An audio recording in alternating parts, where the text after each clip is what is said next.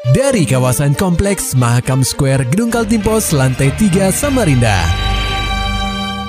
96,8 KPFM. Kita akan ikuti program KP Flash News.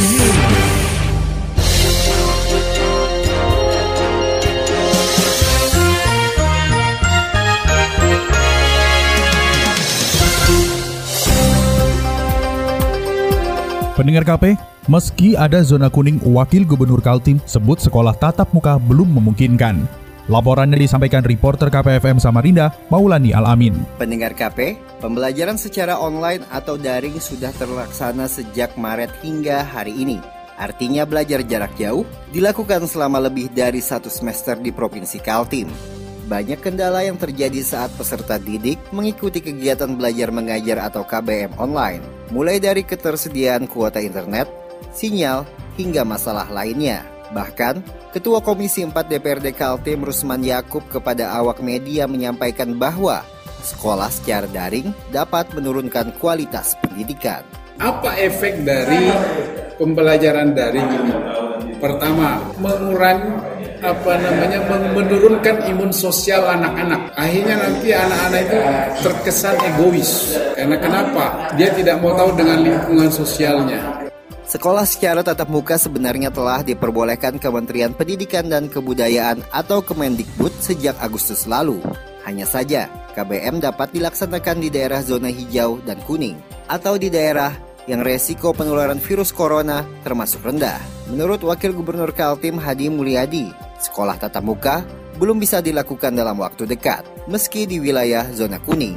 Namun, orang nomor dua di Kaltim itu ingin pembelajaran tatap muka dapat terselenggara pada 2021 mendatang. Uh, zona kuning ini kan masih berfluktuatif, gitu. nggak bisa kita katakan kuning kan tiba-tiba yang kuning jadi merah. Hmm. Dia harus waspada. Tapi ya insya Allah 2021 lah. Hmm. Saya maunya 2021 udah Tingginya tingkat penyebaran virus corona di bumi etam menjadi pertimbangan sekolah masih ditutup. Pada Rabu 18 November 2020, tercatat ada 7 dari 10 kabupaten kota di Kaltim masuk zona merah yakni Balikpapan, Samarinda, Bontang, Berau, Kutai Kartanegara, Kutai Timur, dan Pasir. Sementara Mahakam Ulu satu-satunya daerah yang masuk zona hijau. KPFM Samarinda, Maulani Al-Amin melaporkan. Sementara itu pendengar KPFM, tim SAR gabungan berhasil menemukan tubuh Gusti Dwi Prasoljo yang sebelumnya dilaporkan hilang tenggelam di Sungai Mahakam akibat didorong oleh orang tak dikenal. Laporan selengkapnya akan disampaikan oleh reporter KPFM Samarinda, Muhammad Nur Fajar. Pendengar KP, tubuh pemuda bernama Gusti Dwi Prasojo akhirnya berhasil ditemukan oleh tim SAR gabungan pada Kamis 19 November 2020 sekitar pukul 00.45 waktu Indonesia Tengah. Dalam pemberitaan sebelumnya, Gusti Dwi Prasojo dilaporkan hilang tenggelam di perairan Sungai Mahakam, tepatnya di Jalan RM Marta Dinata, Kelurahan Teluk Lerong Ilir, Kecamatan Samarinda Ulu, pada Selasa 17 November 2020 setelah didorong oleh orang tak dikenal saat sedang bersantai di tepi turap Sungai Mahakam bersama seorang rekannya. Kepala Kantor Pencarian dan Pertolongan Kelas A Balikpapan, Melkianus Kota, melalui Kepala Operasi Basarnas Kaltim Tara, Oktavianto menuturkan, setelah tiga hari proses pencarian berlangsung, tubuh Gusti ditemukan dalam kondisi meninggal dunia. Baik, eh, diinformasikan eh, pada pukul 0045 tanggal 19 November 2020. Korban atas nama Gusti, laki-laki 14 tahun, warga Kampung Jawa, eh, Kota Samarinda, yang dilaporkan tenggelam didorong orang, orang tidak dikenal pada uh, tanggal 17 November 2020 atau tiga hari kemarin berhasil ditemukan oleh gabungan dalam kondisi meninggal dunia sejauh 100 meter meter dari titik LKP. Korban terakhir terlihat. Korban saat ini telah dievakuasi oleh unsur gabungan dari Basarnas, relawan, dan saat ini korban telah dibawa dengan menggunakan perbut untuk kemudian dibawa menggunakan ambulan menuju ke Rumah Sakit AWS Sarani guna keperluan otopsi dari pihak kepolisian. Setelah berhasil menemukan korban, yang bersangkutan langsung dievakuasi ke Rumah Sakit Umum Daerah Abdul Wahab Syahrani guna menjalani proses autopsi untuk penyelidikan pihak kepolisian. KPFM Samarinda, Muhammad Nur Fajar melaporkan. Berita selanjutnya pendengar KP, perkara hukum yang menjerat dua demonstran berstatus mahasiswa, yakni FR dan WJ, yang diamankan jajaran Polresta Samarinda akibat melakukan tindakan anarkisme dan membawa senjata tajam atau sajam saat unjuk rasa di gedung DPRD Kaltim, Kamis 5 November 2020 lalu, mulai memasuki babak baru. Kasat Reskrim Polresta Samarinda Kompol Yulian Syah mengatakan, Berkas perkara keduanya telah dilimpahkan oleh penyidik Polresta Samarinda kepada Kejaksaan Senin 16 November 2020. Dua tersangka masuk, masih masih ada. Limpahannya gimana? Sudah di jaksa, Sudah. sudah di jaksa. Tanggal berapa? Dari jaksa kapan dok? Kemarin. Baru kemarin. Kemarin sudah di jaksa, sekarang lagi proses penelitian jaksa. Perihal surat penangguhan penahanan yang diajukan oleh beberapa wakil rakyat di DPRD Kaltim terhadap dua tersangka ini, Yuliansyah menyampaikan berkasnya sudah sampai ke meja Kapolresta Samarinda dan akan dibuat sebagai saran terlebih dahulu, sembari berkoordinasi dengan jaksa yang menangani. Akan tetapi, Yuliansyah menambahkan jika jaksa nantinya menilai tidak ada masalah dalam berkasnya, maka untuk apa lagi upaya penangguhan penahanan dilakukan.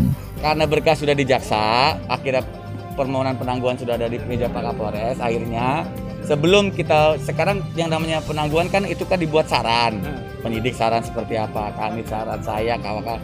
Sambil menunggu itu saran lagi dibuat, kita juga berkoordinasi sama jaksa. Kira-kira ini berkas seperti apa? Kalau memang sekiranya itu jaksa ini perlu pendalaman, ya mungkin nggak ada mungkin nggak ada masalah bisa ditangguhkan. Tapi kalau sekiranya jaksa bilang jak berkas tidak ada masalah, buat apa lagi ditangguhkan? Kok toh juga langsung saya limpahkan gitu lebih mempercepat pemberkasan demi kepastian hukum juga para tersangka. Sampai sekarang pun, Yuliansyah menambahkan belum ada keterangan dari kuasa hukum kedua tersangka yang rencananya akan melakukan pra-peradilan. Namun jika ingin mengajukan, pihaknya tetap mempersilahkan selama sesuai dengan mekanisme hukum yang ada. Beralih ke dunia olahraga pendengar KPFM, PON Papua 2021 tinggal 11 bulan lagi. Hajatan olahraga tertinggi di tanah air itu akan berlangsung mulai 2 hingga 15 Oktober 2021.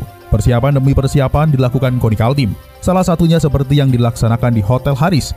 KONI menggelar penataran pelatih bersertifikasi yang terlaksana pada 17 hingga 19 November 2020. Selain itu, ada pula pemberian asuransi bagi atlet dan pelatih yang berlaga di PON. Penataran ini diikuti 88 pelatih dari 33 cabang olahraga. Pelaksanaan acara mengacu protokol kesehatan.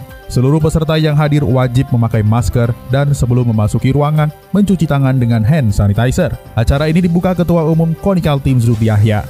Bersatunya atlet dan pelatih dalam satu wadah menjadi momen penting bagi KONI. Karenanya, Wakil Ketua 1, KONI Kaltim Andi Harun, secara khusus memberi motivasi dan membangkitkan semangat atlet serta pelatih. Andi Harun mengatakan, agenda tersebut sudah cukup lama direncanakan, namun baru bisa terrealisasi sekarang.